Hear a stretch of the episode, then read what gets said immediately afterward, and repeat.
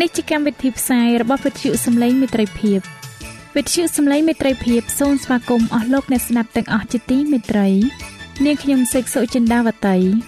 ហើយខ្ញុំបាទអង្គច័ន្ទវិជ្ជៈក៏សូមស្វាគមន៍លោកអ្នកស្ដាប់ទាំងអស់ផងដែរនៅពេលនេះយើងខ្ញុំមានសេចក្តីសុំមនស្សរីករាយដែលបានវិលមកជួបអស់លោកអ្នកនាងកញ្ញាអ្នកស្ដាប់សាជាថ្មីម្ដងទៀត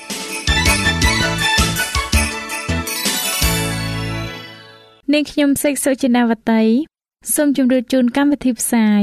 ដែលមានជាបន្តបន្ទាប់ដូចតទៅនេតិជួបជាមួយព្រះបន្ទូលនេតិបទទំនាយនិងប្រវត្តិសាស្ត្រចា៎លោកអ្នកស្ដាប់ជាទីមេត្រី នាងខ្ញុំសូមគោរពអញ្ជើញអស់លោកលោកស្រី អ្នកនាងកញ្ញាតាមដានស្ដាប់កម្មវិធីផ្សាយរបស់វិទ្យុយើងខ្ញុំដូចតទៅ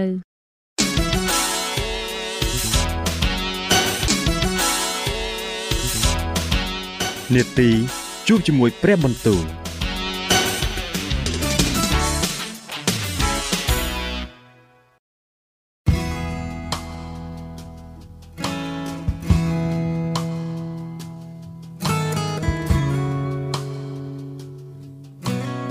ចាអស់លោកអ្នកស្ដាប់ជាទីមេត្រី ជាដំបូងនាងខ្ញុំសូមអញ្ជើញលោកអ្នកនាងស្ដាប់នេតិជួបជាមួយព្រះបន្ទូលនេតិនេះនឹងលើកយកព្រះបន្ទូល ពីព្រះគម្ពីរនេហេមៀដែលនឹងជម្រាបជូនដល់លោកអង្ចាន់វិជ្ជៈដូចតទៅ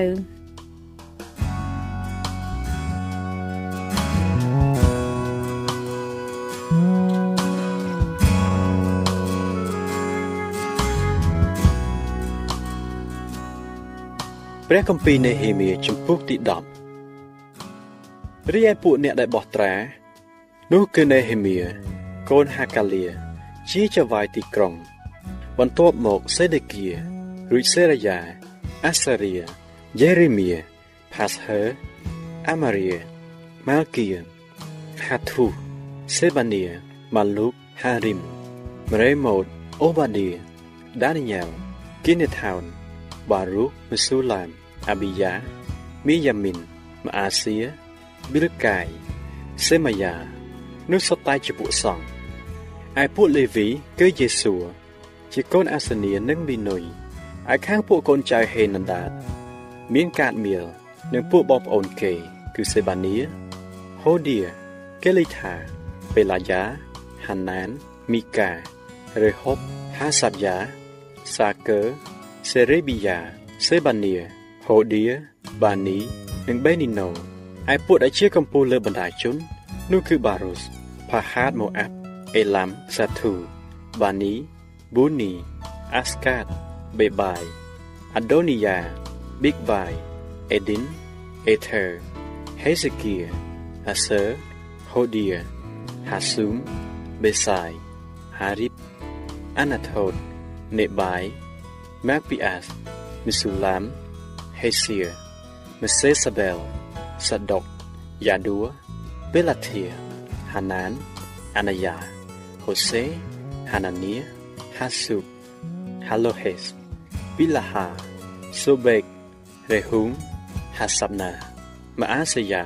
អាហ៊ីយ៉ាហាណានអាណានម៉ាលូហារីមនិងប៉ាណាឯពួកបណ្ដាជនឯទៀតពួកសង្ឃពួកលេវី ពួកឆ្មាំទ្វាពួកចម្រៀងពួកនេធីនីមនិងអស់អ្នកដែលបានញែកខ្លួនចេញពីពួកសាសនៃស្រុកទាំងនោះចូលខាងក្រឹតវិន័យរបស់ព្រះវិញ ព្រមទាំងប្រពន្ធនិងកូនប្រុសកូនស្រីគេ គឺអស់អ្នកណាដែលមានចំណេះមានយោបល់គេក៏កាន់ខ្ជាប់តាមបងប្អូននិងពួកអ្នកមានត្រកូលខ្ពស់ក្នុងពួកគេដែរគេតាំងសេចក្តីផ្ដាសាដល់ខ្លួនដោយស្បត់ថានឹងកាន់តាមក្រឹតវិន័យរបស់ព្រះ ដែលបានប្រទានមកដោយសារលោកម៉ូសេជាអ្នកបម្រើទ្រង់ហើយឲ្យរក្សានិងប្រព្រឹត្តតាមគ្រប់ទាំងក្រឹតក្រមរបស់ព្រះយេហូវ៉ាជាព្រះអង្គម្ចាស់នៃយើងរាល់គ្នាព្រមទាំងច្បាប់យុត្តិធម៌និងបញ្ញត្តិទ្រង់ផង ហើយថាយើងមិនឲ្យកូនស្រីយើងទៅសះទាំងប៉ុន្មាន ដែលនៅក្នុងស្រុកឬយកកូនស្រីរបស់គេមកឲ្យកូនប្រុសយើងឡើយហើយបើសាដតីដែលនៅក្នុងស្រុកគេយកទំនិញឬស្រូវអង្ករអ្វីមកលក់នៅថ្ងៃជប់សម្រាកនោះយើងមិនព្រមទិញពីគេនៅថ្ងៃនោះឬនៅថ្ងៃបរិសុទ្ធណាឡើយហើយថា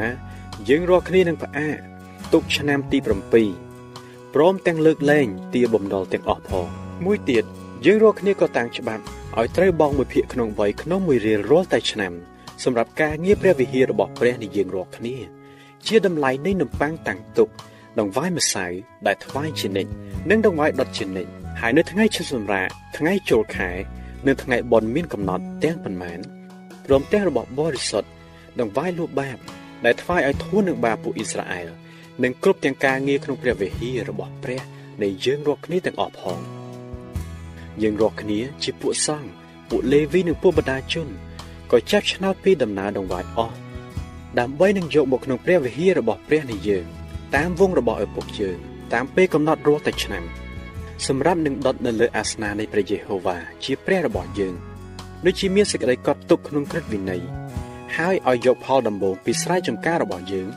និងផលដំបូងពីឈើគ្រប់មុខមកឯព្រះវិហារនៃព្រះយេហូវ៉ារាល់រាល់ឆ្នាំ ព្រមទាំងកូនច្បងរបស់ខ្លួនយើង និងរបស់សត្វយើងផងដូចជាបានកត់ទុកក្នុងក្រឹតវិន័យហើយ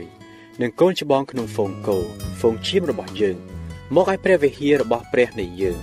ឲ្យដល់ពួកសង្ឃដែលធ្វើការងារក្នុងព្រះវិហាររបស់ព្រះនៃយើងហើយឲ្យយកផលនៃម្សៅលីដំបង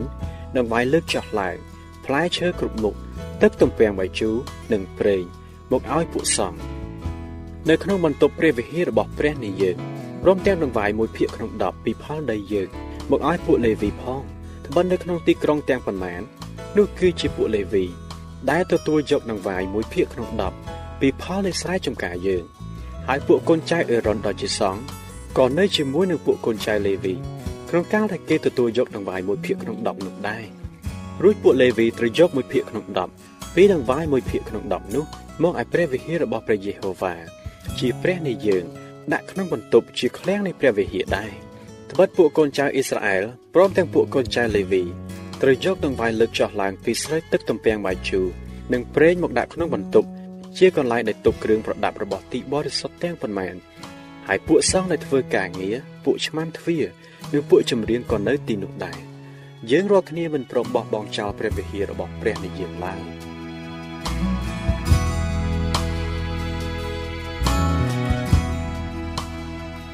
ព្រះគម្ពីរនេហេមៀជំពូកទី11ឯពួកប្រធានក្នុងបណ្ដាជននោះក៏នៅក្នុងក្រុងយេរូសាឡឹមហើយពួកបណ្ដាជនឯទៀតគេចាប់ឆ្នោតយកមួយនាក់ក្នុង10ឲ្យមកនៅក្រុងយេរូសាឡឹមជាទីក្រុងបរិសុទ្ធដែរហើយ9នាក់ឲ្យនៅអស់ទាំងទីក្រុងឯទៀតពួកបណ្ដាជនក៏ឲ្យពរដល់មនុស្សទាំងប៉ុន្មាន ដែលប្រគល់ខ្លួនឲ្យមកនៅក្រុងយេរូសាឡឹមដោយស្ម័គ្រពីចិត្តនេះជាពួកនាយក្នុងខេត្តដែលអាស្រ័យនៅក្រុងយេរូសាឡឹម ឯទីក្រុងនៃស្រុកយូដាឯទៀតនោះគ្រប់គ្នាក៏នៅក្នុងកេអាកត្រង់ទីក្រុងរបស់គេរៀងខ្លួន គឺទាំងពួកអ៊ីស្រាអែលពួកសង្ឃពួកលេវីពួកនេធីនីមនិងពួកកូនចៅរបស់ពួកអ្នកបម្រើរបស់សាឡូមោនផងអានៅក្នុងក្រុងយេរូសាឡឹមនោះមានពួកកូនចៅយូដានិងពួកកូនចៅបេនយ៉ាមីនខ្លះដែរខាងកូនចៅយូដាមានអាថាយ៉ាជាកូនអ៊ូស៊ីយ៉ាដែលជាកូនសាការីសាការី ជាកូនអាម៉ារីអាម៉ារីជាកូនសេផាធា សេផាធាជាកូនម៉ាលេលៀលនេះក្នុងពួកកូនចៅពេរ៉េសនិងម៉ាអាសេយ៉ាជាកូនបារូបដែលជាកូនកុលហ៊ូសេកុលហ៊ូសេជាកូនហាសាយ៉ាហាសាយ៉ាជាកូនអាដាយ៉ាអាដាយ៉ាជាកូនយូយ៉ារីបយូយ៉ារីបជាកូនសាការីសាការីជាកូនស៊ីឡូនេអស់ទាំងកូនចៅរបស់ពេរ៉េសដែលនៅក្រុងយេរូសាឡឹមនោះមានមនុស្សក្លាហានចំនួន468នាក់ឯពួកកូនចៅរបស់បេនយ៉ាមីនគឺសាលូជាកូនមស៊ូឡាម ដែលជាកូនយូអេតយូអេតជាកូនពេដាយ៉ាពេដាយ៉ាជាកូនកូឡាយ៉ាកូឡាយ៉ាជាកូនម៉ាអាសេយ៉ាម៉ាអាសេយ៉ាជាកូនអ៊ីធៀលអ៊ីធៀលជាកូនយេសាយ៉ាហើយបន្ទាប់នឹងគាត់នោះមានកាបាយនិងសាឡាយរួមទាំងអស់មាន928នាក់ហើយយូអែលជាកូនស៊ីគ្រី លោកជាអ្នកត្រួតលើគេ និងយូដាជាកូនសេនួលោកជា ผู้ជួយនៃទីក្រុង ក្នុងពួកសង្ឃ នោះមានយេដាយ៉ាជាកូនយូយ៉ារីបនិងយ៉ាគិនសេរាយ៉ាជាកូនហិលគីយ៉ាដែលជាកូនមេស៊ូឡាមមេស៊ូឡាម ជាកូនសាដុកសាដុកជាកូនមេរយ៉ូតមេរយ៉ូតជាកូនអាហ៊ីទូដែលជាមេត្រួតលើព្រះវិហារនៃព្រះព្រមទាំងពួកបងប្អូនគេដែលធ្វើការនៅព្រះវិហារទាំងអស់មាន822នាក់ហើយមានអាដាយ៉ាជាកូនយេរូហាំដែលជាកូនពេឡាលីពេឡាលីជាកូនអាំស៊ី អាំស៊ីជាកូនសាការីសាការីជាកូនផាសហឺផាសហឺជាកូនម៉ាល់គៀហើយពួកបងប្អូនលោកដែលជាកម្ពូលលើវងរបស់ឪពុកគេរួមទាំងអស់មាន242នាក់ហើយមានអាម៉ាសាយជាកូនអាសារៀលដែលជាកូនរបស់អាហាសាយអាហាសាយជាកូនម៉ាស៊ីលេម៉ូតម៉ាស៊ីលេម៉ូតជាកូនអ៊ីមឺហើយពួកបងប្អូនគេជាអ្នកខ្លាំងពូកែមានចិត្តក្លាហាន រួមទាំងអស់មាន128នាក់ឯអ្នកដែលត្រួតលើគេ គឺសាបឌៀលជាកូនគេដូលីមក្នុងពួកលេវី មានសេម៉ាយ៉ាជាកូនហាស៊ូបដែលជាកូនរបស់អាស្រីកាមអាស្រីកាមជាកូនហាសាប់យ៉ាហាសាប់យ៉ាជាកូនប៊ូនីព្រមទាំងសាបថៃនិងយូសាបាត ជាពួកមេក្នុងពួកលេវី ដែលត្រួតត្រាលើការងារខាងក្រៅព្រះវិហារនៃព្រះ ហើយម៉ាថានីជាកូនមីកា ដែលជាកូនសាប់ឌីសាប់ឌីជាកូនអេសាបអេសាបជាមេនាំគេ ក្នុងការអបប្រគុណកំពុងដែលអធិស្ឋាន និងបាបូគា ជាអ្នកបន្ទាប់ក្នុងពួកបងប្អូនខ្លួន ហើយអាប់ដាជាកូនសាមួដែលជាកូនកាឡាល កាឡាល ជាកូនយេឌូថិនឯពួកលេវីទាំងប៉ុន្មាន ដែលនៅក្រុងបរិសុទ្ធនោះមាន284នាក់ឯពួកឆ្មាំទ្វារនោះមានអាគូបថាល់ម៉ូន និងបងប្អូនគេ ដែលចាំយាមនៅមាត់ទ្វារផ្សេងផ្សេងទាំងអស់មាន172នាក់ឯពួកអ៊ីស្រាអែលខាងពួកសង្ឃនិងពួកលេវីដែលសល់គេនៅអស់ទាំងទីក្រុងក្នុងស្រុកយូដាគ្រប់គ្នាតាមមរតកគេរៀងខ្លួន តែពួកនេធីនីមគេនៅត្រង់អូផែលមានស៊ីហា និងគីស្ប៉ាជាអ្នកត្រួតលើគេឯអ្នកដែលត្រួតលើពួកលេវីនៅក្រុងយេរូសាឡឹមនោះគឺអ៊ូស៊ីជាកូនបានី ដែលជាកូនហាសាប់យ៉ាហាសាប់យ៉ាជាកូនម៉ាថានី ម៉ាថានីជាកូនមីកា ក្នុងពួកកូនចៅអេសាប ដែលជាពួកចម្រៀងជាអ្នកត្រួតត្រាលើកិច្ចការក្នុងព្រះវិហារនៃព្រះត្បិតមានច្បាប់ដែលស្ដេចបានតាំងពីដំណើរពួកនោះ ជាច្បាប់យ៉ាងតឹងរឹងឲ្យចែកស្បៀងអាហារដល់ពួកចម្រៀងតាមដែលគេត្រួតការរាល់រាល់ថ្ងៃហើយមានពេថាហ៊ីយ៉ាជាកូនមេសេសាបែលក្នុងពួកកូនចៅសេរ៉ាសជាកូនយូដាលោកជាអ្នកជំនិតស្ដេចក្នុងគ្រប់ការចំពោះពួករាត្រង់ឯទីក្រុងទាំងប៉ុន្មាន និងស្រែចម្ការជុំវិញនោះមានពួកយូដាខ្លះនៅត្រង់គីយ៉ាត់អឺបានិងតំបន់នៅជុំវិញ នៅឌីបូននិងតំបន់នៅជុំវិញ នៅយេកាប់សៀលនិងតំបន់នៅជុំវិញ នៅត្រង់យេស៊ូមូឡាដាបេតផាឡេតហាសាស៊ូអាល់បៀសេបានិងតំបន់នៅជុំវិញ នៅស៊ីកឡាមេកូណានិងតំបន់នៅជុំវិញ នៅអេនរីម៉ូនស៊ូរ៉ាសយ៉ាមុត សាណូអាអាឌូឡាមនិងតំបន់នៃក្រុងទាំងនោះឡាគីសនិងស្រែចម្ការនៅជុំវិញ អាសេកានិងតំបន់នៅជុំវិញដូច្នេះគេបានតាំងទីលំនៅចាប់តាំងពីបៀសេបា រហូតដល់ច្រកភ្នំហ៊ីនណំហើយពួកកូនចៅបេនយ៉ាមីនគេនៅចាប់តាំងពីកេបារៀងទៅ គឺនៅមីកម៉ាស់អៃបេតអែលនិងតំបន់នៅជុំវិញ និងនៅអាណាថោតណូបហាណានីហាសាវរ៉ាម៉ាគីថៃហាឌីនសេបោម នេបាឡាតឡូតអូណូហើយនៅក្នុងច្រកភ្នំពួកជាងរចនា ចំណែកខាងពួកលេវី នោះមានខ្លះដែលត្រូវខាងស្រុកយូដាគេបានទៅនៅខាងស្រុកបេនយ៉ាមីនវិញ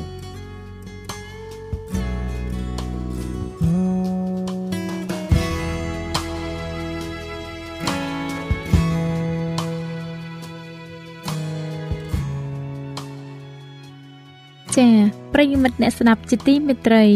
ដោយពេលវេលាមានកំណត់ យើងខ្ញុំសូមផ្អាកនេតិជប់ជាមួយព្រឹបបន្ទូលនេះត្រឹមតែប៉ុណ្ណេះសិនចុះដោយសន្យាថានឹងលើកយកនីតិនេះមកជម្រាបជូនជាបន្តទៀតនៅថ្ងៃច័ន្ទសប្តាហ៍ក្រោយ សូមអរគុណ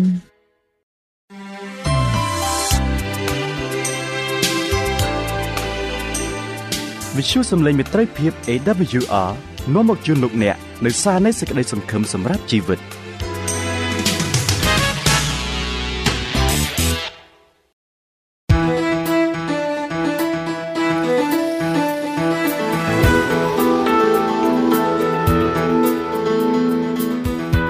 សូមជូននីតិបទទំនាយនិងប្រវត្តិសាស្ត្រ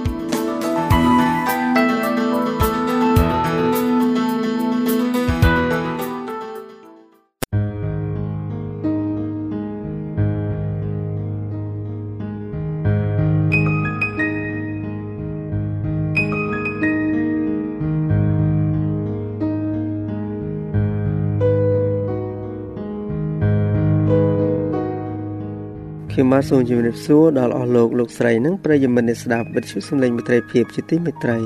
ហើយសូមឲ្យព្រះគុណនិងសេចក្តីសុខសាន្តបានចម្រើនដល់លោកអ្នកឲ្យបានស្គាល់ព្រះនិងព្រះយេស៊ូវគ្រីស្ទជាព្រះអម្ចាស់នៃយើងតាមរយៈមេរៀននៅថ្ងៃនេះសម្រាប់នេតិបទជំនាញនិងប្រវត្តិសាស្ត្រនៅថ្ងៃនេះផងដែរខ្ញុំបាទសូមលើកយកចំពុកទី12ដដែលដែលមានចំណងជើងថាលទ្ធិកែតម្រង់នៅប្រទេសបារាំងនៅភាគនេះលោកអ្នកនឹងបានស្ដាប់អំពីការត្រាស់ហៅលោក Calvin និងអំពីភាពខ្មៅងងឹតនៅប្រទេសបារាំង បាទដើម្បីលោកអ្នកបានជ្រាបកាន់តែច្បាស់អំពីលទ្ធិកែតម្រង់នេះ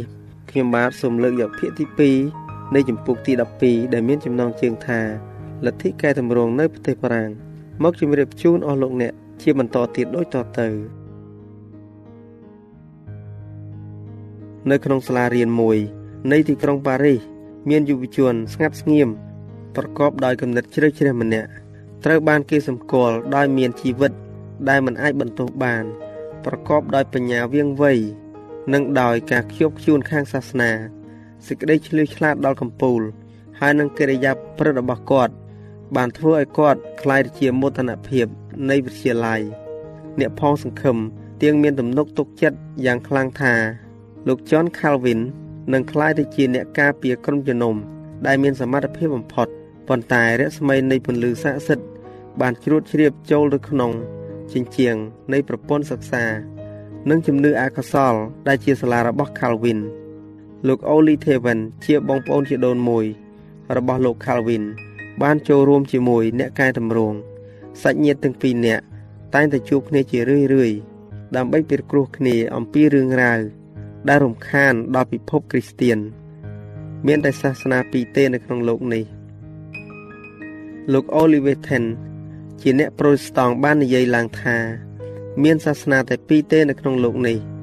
មួយជាសាសនាដែលមនុស្សបានបង្កើតឡើង ហើយដែលមានជំនឿថាមនុស្សបានសង្គ្រោះដោយសារការប្រពៃពិធី និងដោយសារអំពើល្អមួយទៀតគឺជាសាសនាដែលបានសម្ដែងនៅក្នុងព្រះគម្ពីរដែលបង្រៀនឲ្យមនុស្សស្វែងរកសេចក្តីសង្គ្រោះ អំពីព្រះគុណដ៏ឥតគិតថ្លៃនៃព្រះតែប៉ុណ្ណោះលោក Calvin ឧទានឡើងថា ខ្ញុំមិនចង់បានគោលលទ្ធិថ្មីរបស់អ្នកទេតើអ្នកគិតថាក្នុងមួយជីវិតនេះខ្ញុំបានរស់នៅក្នុងកំហុសខុសឆ្គងឬប៉ុន្តែកាលគាត់ស្ថិតនៅក្នុងបន្ទប់តែម្នាក់ឯង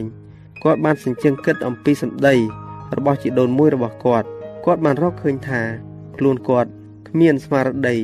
ជួយអង្វរកព្រះដ៏ជាចៅក្រមដ៏យុត្តិធម៌ហើយបរិសុទ្ធសោះការប្រពៃពិធីទាំងឡាយរបស់វិហារទាំងអស់នេះ គ្មានអំណាចប្រោះលោបាប បានទល់តែសោះការសារភាព និងទុរកកិរិយាពុំអាចសម្រុះសម្រួលប្រលឹងជាមួយនឹងព្រះបានឡើយចៃដនអីនៅថ្ងៃមួយគាត់បានទៅលេង នៅទីលានសាធារណៈក៏ឃើញគេដុតអ្នកកាន់លទ្ធិខុសឆ្គងម្នាក់នៅទីនោះក្រោមទរណកម្មនៃសេចក្តីស្លាប់ដ៏គួរឲ្យតក់ស្លុតហើយនឹងការផ្ដន់ទាទោសដ៏អាក្រក់អាក្រៃរបស់ព្រះវិហារនោះអ្នកបដូរបង់ជីវិតបានបង្ហាញជំនឿនិងសេចក្តីក្លាហាន ដែលយុវសិស្សខំព្រៀបផ្ទឹមទាំងកោតខ្លាចផ្សារទៅនឹងភាពងងឹតនិងភាពអស់សង្ឃឹមរបស់ខ្លួនគាត់ផ្ទាល់គាត់បានដឹងថាជួនកាលនទ្ធិខុសឆ្គងមានជំនឿទៅលើព្រះគម្ពីរគាត់បានសម្រេចចិត្តថានឹងសិក្សាព្រះគម្ពីរស្រាវជ្រាវរកអាចកំបាំងនៃអំណររបស់ពួកគេ នៅក្នុងព្រះគម្ពីរគាត់បានរកឃើញព្រះគ្រីស្ទគាត់បានស្រែកឡើងថាអោព្រះវរបិតាយ៉ាញ់បូជាទ្រង់ដែលជាព្រះគ្រីស្ទ បានរងាប់សេចក្តីក្រោធរបស់ព្រះអង្គព្រះលោហិតរបស់ទ្រង់បានលាងជម្រះនៅភាពមិនស្អាតរបស់ទូមង្គមឈើឆ្កាងរបស់ទ្រង់បានទទួលរងបណ្ដាសាទូមង្គមជីវង្គតរបស់ទ្រង់បានលុបបាបទូមង្គមព្រះអង្គបានពោលទៅដល់ចិត្តទូមង្គមប្រយោជន៍ឲ្យទូមង្គមអាចខ្ពើមរបស់ទាំងអស់លើកលែងតែរបស់មកពីព្រះយេស៊ូវប៉ុណ្ណោះឥឡូវនេះគាត់បដិញ្ញាបូជាជីវិតចំពោះដំណឹងល្អវិញ ប៉ុន្តែគាត់មានកំណើតជាមនុស្សមិនសូវនិយាយច្រើនម្ល៉េះហើយចង់បូជាខ្លួនចំពោះការសិក្សាវិញ តែដោយការទទូចអង្វរជាខ្លាំងអំពីមិត្តភ័ក្តិទីបំផុតគាត់ក៏បានយល់ព្រមធ្វើជាគ្រូពាក្យសម្ដីរបស់គាត់ប្រៀបដូចជាទឹកសន្សើមធ្លាក់មកស្រោចស្រពផែនដីឥឡូវនេះគាត់នៅក្នុងទីក្រុងនៃខេត្តមួយស្ថិតនៅក្រោមអាណាព្យាបាលរបស់ព្រះអង្គម្ចាស់កាម៉ារ៉ែតជាអ្នកស្រឡាញ់ដំណឹងល្អ ក៏បានបញ្ចេញកិច្ចការពារដល់ពួកសិស្សនៃដំណឹងល្អថែមទៀតការងាររបស់ Calvin បានចាប់ផ្ដើមជាមួយបណ្ដាជនទាំងឡាយនៅនឹងទីលំនៅរបស់គេ អ្នកដែលបានឮក៏នាំគ្នា យកដំណឹងល្អនេះ ទៅប្រាប់អ្នកដទៃទៀតគាត់បានធ្វើដំណើរឆ្ពោះទៅមុខចាក់គ្រឹះវិហារដែលនឹងត្រូវផ្ដាល់ស្មោបន្ទាល់ដ៏អត់ក្រែងញញើតសម្រាប់សេចក្តីពិត ទីក្រុងប៉ារីសនឹងត្រូវបានអញ្ជើញឲ្យទទួលដំណឹងល្អម្ដងទៀតសេចក្តីអញ្ជើញរបស់លោកឡាហ្វែវនិងលោកហ្វារ៉ែលត្រូវបានបដិសេធប៉ុន្តែមនុស្សគ្រប់ជាន់ថ្នាក់នៅក្នុងទីក្រុងធំនោះនឹងត្រូវបានលើព្រះរាជសារម្ដងទៀតចំណែកឯស្ដេចដែលជាព្រះបិតារបស់ព្រះនាង កាម៉ារ៉ែតទ្រង់ពុំទាន់កាន់ខាងរ៉ូមដើម្បីប្រឆាំងនឹងពួកកែតម្រង់ទាំងស្រុងនៅឡើយទេព្រះនាងកាម៉ារ៉ែតបានសម្រេចថា គួរផ្សព្វផ្សាយជំនឿដែលមានទម្រង់ថ្មី នៅទីក្រុងប៉ារីសវិញព្រះនាងបានបញ្ជាឲ្យគ្រូកងវិលប្រូស្តង់ម្នាក់ឲ្យអធិប្បាយនៅក្នុងព្រះវិហារទាំងប៉ុន្មាននោះដោយពួកអ្នកមានតំណែងខ្ពង់ខ្ពស់ប្រចាំព្រះវិហារកាតូលិកបានហាមឃាត់មិនឲ្យធ្វើដូច្នោះព្រះនាងក៏បានបើកព្រះរាជវាំងឲ្យគេផ្សព្វផ្សាយតែម្ដង គេបានប្រកាសថា នៅរៀងរាល់ថ្ងៃនឹងមានគេអធិប្បាយហើយបណ្ដាជនត្រូវបានអញ្ជើញឲ្យចូលស្ដាប់ មានមនុស្សរាប់ពាន់នាក់បានចូលរួមប្រជុំរាល់ថ្ងៃស្ដេចបានបញ្ជាឲ្យបើកវិហារពីរទៀតនៅទីក្រុងប៉ារីសទីក្រុងនេះមិនដែលបានរំជើរំជួលដោយព្រះបន្ទូលរបស់ព្រះដូច្នោះសោះការប្រមាណខ្លួនភាពបរិសុទ្ធរបៀបរៀបរយហើយនឹងការឧស្សាហ៍បានជំនួសការប្រមឹកការបំពេញច្បាប់ ការជ្រួលច្របល់ហើយនឹងភាពប្រងើយកន្តើយនៅពេលដែលមានមនុស្សមួយចំនួនទទួលជឿដំណឹងល្អមនុស្សភាគច្រើនបានបដិសេធវិញពួកបាប ក៏បានឈ្នះនៅពេលដែលកម្លាំងការអំណាចឡើងវិញវិហារត្រូវបិទទ្វារម្ដងទៀតបង្គោលពិឃាតត្រូវបានដាំឡើងលោក Calvin ស្ថិតនៅក្នុងទីក្រុងប៉ារីសនៅឡើយប៉ុន្តែនៅទីបំផុតពួកកាន់អំណាច បានបដិញ្ញានឹងតាមចាប់គាត់មកមកប្រកល់ឲ្យអណ្ដាតភ្លើងគាត់ពុំបានគិតថាខ្លួនមានគ្រោះថ្នាក់អ្វីទេ រហូតទាល់តែមិត្តភ័ក្តិរបស់គាត់នាំគ្នាប្រញាប់ប្រញាល់មកកាន់បន្ទោរបស់គាត់ហើយប្រាប់គាត់ថា មានពួកភ្នាក់ងារកំពុងធ្វើដំណើរសម្ដៅមកចាប់គាត់ឮសូរគោះទ្វារពីចម្ងាយនៅឯផ្លូវចូលខាងក្រៅដោយមិន bằng អង្គយូរមិត្តភ័ក្តិរបស់គាត់ខ្លះចេញទៅបង្អាក់ដំណើររបស់ភ្នាក់ងារនិងមកទ្វារនៅពេលដែលមិត្តភ័ក្តិខ្លះទៀតដែលគាត់ចុះតាមបង្អួចហើយគាត់ក៏ប្រញាប់ធ្វើដំណើរសម្ដៅទៅជាក្រុង ទៅស្នាក់នៅក្នុងខ្ទមនៃកម្មករម្នាក់ដែលជាមិត្តរបស់អ្នកកែតម្រង់គាត់បានបន្លំខ្លួនដោយពាក្យអាវម្ចាស់ផ្ទះ លីចោធ្វើដំណើរទៅទិសខាងត្បូងទៅជ្រកពូននៅក្នុងដំណាក់របស់កាមេរ៉ាតែម្ដងគាត់ស្ថិតនៅស្ងៀមយូរពំបាន នៅពេលដែលព្យុះសង្គ្រាអន់ថយភ្លាមគាត់បានស្វែងរកកន្លែងថ្មី នៅស្រុកប៉ោយធាសដើម្បីប្រកបការងារគឺជាកន្លែងដែលគេចូលចិត្តយោបល់ថ្មីរួចទៅហើយមនុស្សគ្រប់ជាន់ថ្នាក់បានស្ដាប់ដំណឹងល្អដោយអំណរនៅពេលដែលចំនួនអ្នកស្ដាប់កើនឡើង ពួកគេក៏គិតនាំគ្នាទៅប្រជុំនៅខាងក្រៅទីក្រុង ព្រោះគិតថានៅទីនោះមានសន្តិសុខជាង គេបានជ្រើសរើសយកលអាងភ្នំធ្វើជាកន្លែងប្រជុំដែលមានដើមឈើនិងថ្មក្រោបពីលើ ធ្វើឲ្យកន្លែងដាច់ពីគេនេះក្លាយជាទីប្រជុំដ៏សមរម្យមួយព្រះគម្ពីរត្រូវបានអាននិងពន្យល់នៅកន្លែងដ៏ស្ងប់ស្ងាត់នេះ នៅទីនេះពួកប្រូតស្តង់នៃប្រទេសបារាំងបានប្រារព្ធពិធីលៀងព្រះអម្ចាស់ជាលើកទី1ព្រះវិហារតូចនេះ មានពួកអ្នកផ្សាយដំណឹងល្អដ៏ស្វាហាប់ចំនួនច្រើន ត្រូវបានបញ្ជូនចេញទៅ លោក Calvin បានត្រឡប់ទៅទីក្រុងប៉ារីសម្ដងទៀតប៉ុន្តែគាត់ស្ទើរតែរកការងារធ្វើពុំបានសោះទីបំផុតគាត់ក៏បានសម្រេចចិត្តចាក់ចេញទៅកាន់ប្រទេសអាល្លឺម៉ង់មិនយូរប៉ុន្មានបន្ទាប់ពីគាត់បានចាក់ចេញពីប្រទេសបារាំងហើយព្យុះសង្គ្រាក៏បានបក់បោកទៅលើគ្រូប្រូតេស្តង់ម្ដងទៀតពួកជួនកែតម្រង់បារាំងបានបដិញ្ញាសំពងមួយអន្លង់ទៅលើជំនឿអកុសលរបស់រ៉ូមដែលនឹងកម្រើករំពើក ដល់ប្រជាជាតិទាំងមូលតែម្ដង សម្បត្តិវាយប្រហារទៅលើពិធីម៉ាស់ត្រូវបានបិទពីពេញប្រទេសបារាំងធ្វើឲ្យលទ្ធិកែតម្រង់ជឿនលឿនទៅមុខចលនាមោះមុតដែលប៉ាន់ស្មានមិនត្រឹមត្រូវនេះ បានផ្ដល់លេសឲ្យពួកកាតូលិករ៉ូមទៀមទារកបំផ្លាញពួកអ្នកកាន់លទ្ធិខុសឆ្គងដោយចោទថាពួករំជើរំជួលធ្វើឲ្យមានគ្រោះថ្នាក់ដល់រាជបល្ល័ង្កនិងសន្តិសុខនៃប្រទេសជាតិ មានបដាមួយបានបោះភ្ជាប់ទៅនឹងទ្វារដំណាក់ផ្ទាល់របស់ស្ដេចសេចក្តីក្លាហានដ៏ខុសទំនងដោយការជំរុញពាក្យសម្ដីអុចអាលនេះបានចូលទៅចំពោះព្រះរាជា ធ្វើឲ្យទ្រង់មានព្រះតីក្រោតជាខ្លាំងកំហឹងរបស់ស្ដេចបានបញ្ចេញពាក្យសម្ដីដ៏គួរឲ្យតក់ស្លុតថាជួយចាប់ទាំងអស់ឥតឬមុខអស់អ្នកណាដែលសង្ស័យថាពួក Luther យើងនឹងធ្វើឲ្យពួកវារលាយសូន្យទាំងអស់ស្ដេចបានបដិញ្ញាកាន់ខាងរ៉ូមទាំងស្រុង រជ្ជកាលនៃក្តីរន្ធត់អ្នកកាន់ទម្រង់ជំនឿថ្មីដ៏កំសត់ម្នាក់ដែលធ្លាប់ក៏ហៅពួកអ្នកជឿឲ្យរួមប្រជុំនៅទីសម្ងាត់ត្រូវបានគេចាប់ខ្លួន គេបានគម្រាមកំហែងគាត់ថានឹងយកទៅដុតទាំងរស់នៅនឹងបង្គោលពិឃាតបានមិននាំគេទៅបង្ហាញផ្ទះពួកអ្នកប្រូតេស្តង់គ្រប់រូបនៅក្នុងទីក្រុងនោះទេ ដោយខ្លាចអណ្ដាតភ្លើងគាត់ក៏បានសុកចិត្តក្បត់ចំពោះបងប្អូនខ្លួន លោកមូរាំងជាអ្នកតាមដានរបស់ព្រះរាជា បានធ្វើដំណើរសន្សឹមសន្សឹមហើយស្ងៀមស្ងាត់ឆ្លងកាត់ផ្លូវទីក្រុង ជាមួយនឹងជួនក្បត់ នៅពេលដែលមកដល់មុខផ្ទះនៃពួក Luther ហើយជួនក្បត់ក៏ធ្វើសញ្ញា ដោយមិនបញ្ចេញសម្លេងឡើយក្បួនហែក៏ឈប់មួយកន្លែង ហើយមានមនុស្សចូលទៅក្នុងផ្ទះអូសទាញគ្រួសារចេញមកដាក់ច្រវាក់រួចក្រុមដ៏យួងខ្នងបន្តដំណើរទៅមុខរកជួនរងគ្រោះថ្មីទៀត លោកមូរាំងបានធ្វើឲ្យទីក្រុងទាំងមូលក៏ក្រើករំពើកគឺជារជ្ជកាលនៃសេចក្តីរន្ធត់ដ៏ញាប់ញ័របំផុត គេបានសម្លាប់ជួនរងគ្រោះដោយទរណកម្មដ៏ឃោឃៅជាទីបំផុត ជាពិសេសនៅពេលគេបញ្ជាឲ្យដុតភ្លើងបន្តិចម្ដងបន្តិចម្ដង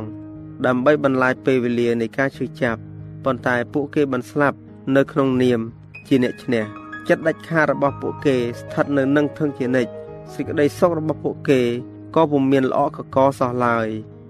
ពួកអ្នកធ្វើទុកបៀតបៀនមានអារម្មណ៍ថាបរាជ័យទៅវិញព្រោះអ្នកទីក្រុងប៉ារីសទាំងអស់អាចមើលឃើញថាយោបល់ថ្មី បានបង្កើតមនុស្សប្រភេទណាហើយព្រោះគ្មានសេចក្តីអធិប្បាយណា មានវោហារដូចជាគំនររបស់ពួកបដោបងជីវិតនេះឡើយអំណរដ៏ស្ងប់រងាប់ដែលចាំងចែងពីភិត្រានៃអ្នកទាំងនេះ នៅពេលដែលពួកគេកំពុងតែធ្វើដំណើរទៅកាន់ទីលានពិឃាតបានបញ្ចេញវោហារដ៏មានឥទ្ធិពលលើចិត្ត ទទូចអង្វរជឿនទាំងឡាយឲ្យទទួលជឿដំណឹងល្អពួកប្រូតេស្តង់ត្រូវបានគេចោទប្រកាន់ថា មានផែនការលបសម្លាប់រង្គាល ដល់ពួកកាតូលិកនិងប៉ងរំលំរដ្ឋាភិបាលព្រមទាំងគិតធ្វើឃាតដល់ស្ដេចទៀតផងប៉ុន្តែពុំមានស្រមោលផោះតាងជាលក្ខណៈមួយ ចំពោះពាក្យចោទទាំងនេះឡើយប៉ុន្តែអំពើខុសខើដែលបានប្រព្រឹត្តទៅលើពួកប្រូតេស្តង់ស្លូតត្រង់បានប្រមូលផ្ដុំឡើង ទៅជាទម្ងន់នៃពីវេរា រួចហើយ នៅក្នុងប៉ុន្មានសតវត្សក្រោយមកវាសនាអាក្រក់ដែលបានទុះទាយទុកចំពោះស្ដេចចំពោះរដ្ឋាភិបាលទ្រង់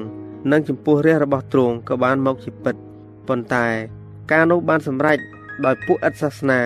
និងពួកបាប ការជិះជាន់ដល់លទ្ធិប្រូតេស្តង់និយម បាននាំមកដល់ប្រទេសបារាំងនៅបដិវត្តដ៏អាក្រក់ទាំងនេះ ការសង្ស័យការមិនទុកចិត្ត ហើយនឹងសេចក្តីភ័យរន្ធត់បានជ្រុតជ្រាបនៅគ្រប់ទាំងស្រទាប់វណ្ណៈនៃសង្គមមនុស្សរាប់រយនាក់បានភៀសខ្លួនចេញពីទីក្រុងប៉ារីសធ្វើនិរទេសចេញពីស្រុកកំណើតរបស់ខ្លួន ក្នុងករណីភាគច្រើន គេបង្ហាញថាពួកគេពេញចិត្តនឹងទម្រង់ជំនឿថ្មី ពួកប៉ាបបានអស់ចានៅក្នុងចិត្តជាខ្លាំងដោយមិននឹកស្មានថាមានពួកអ្នកកាន់លទ្ធិខុសឆ្គងនៅស៊ូទ្រាំនៅក្នុងចំណោមពួកគេដូច្នេះសោះ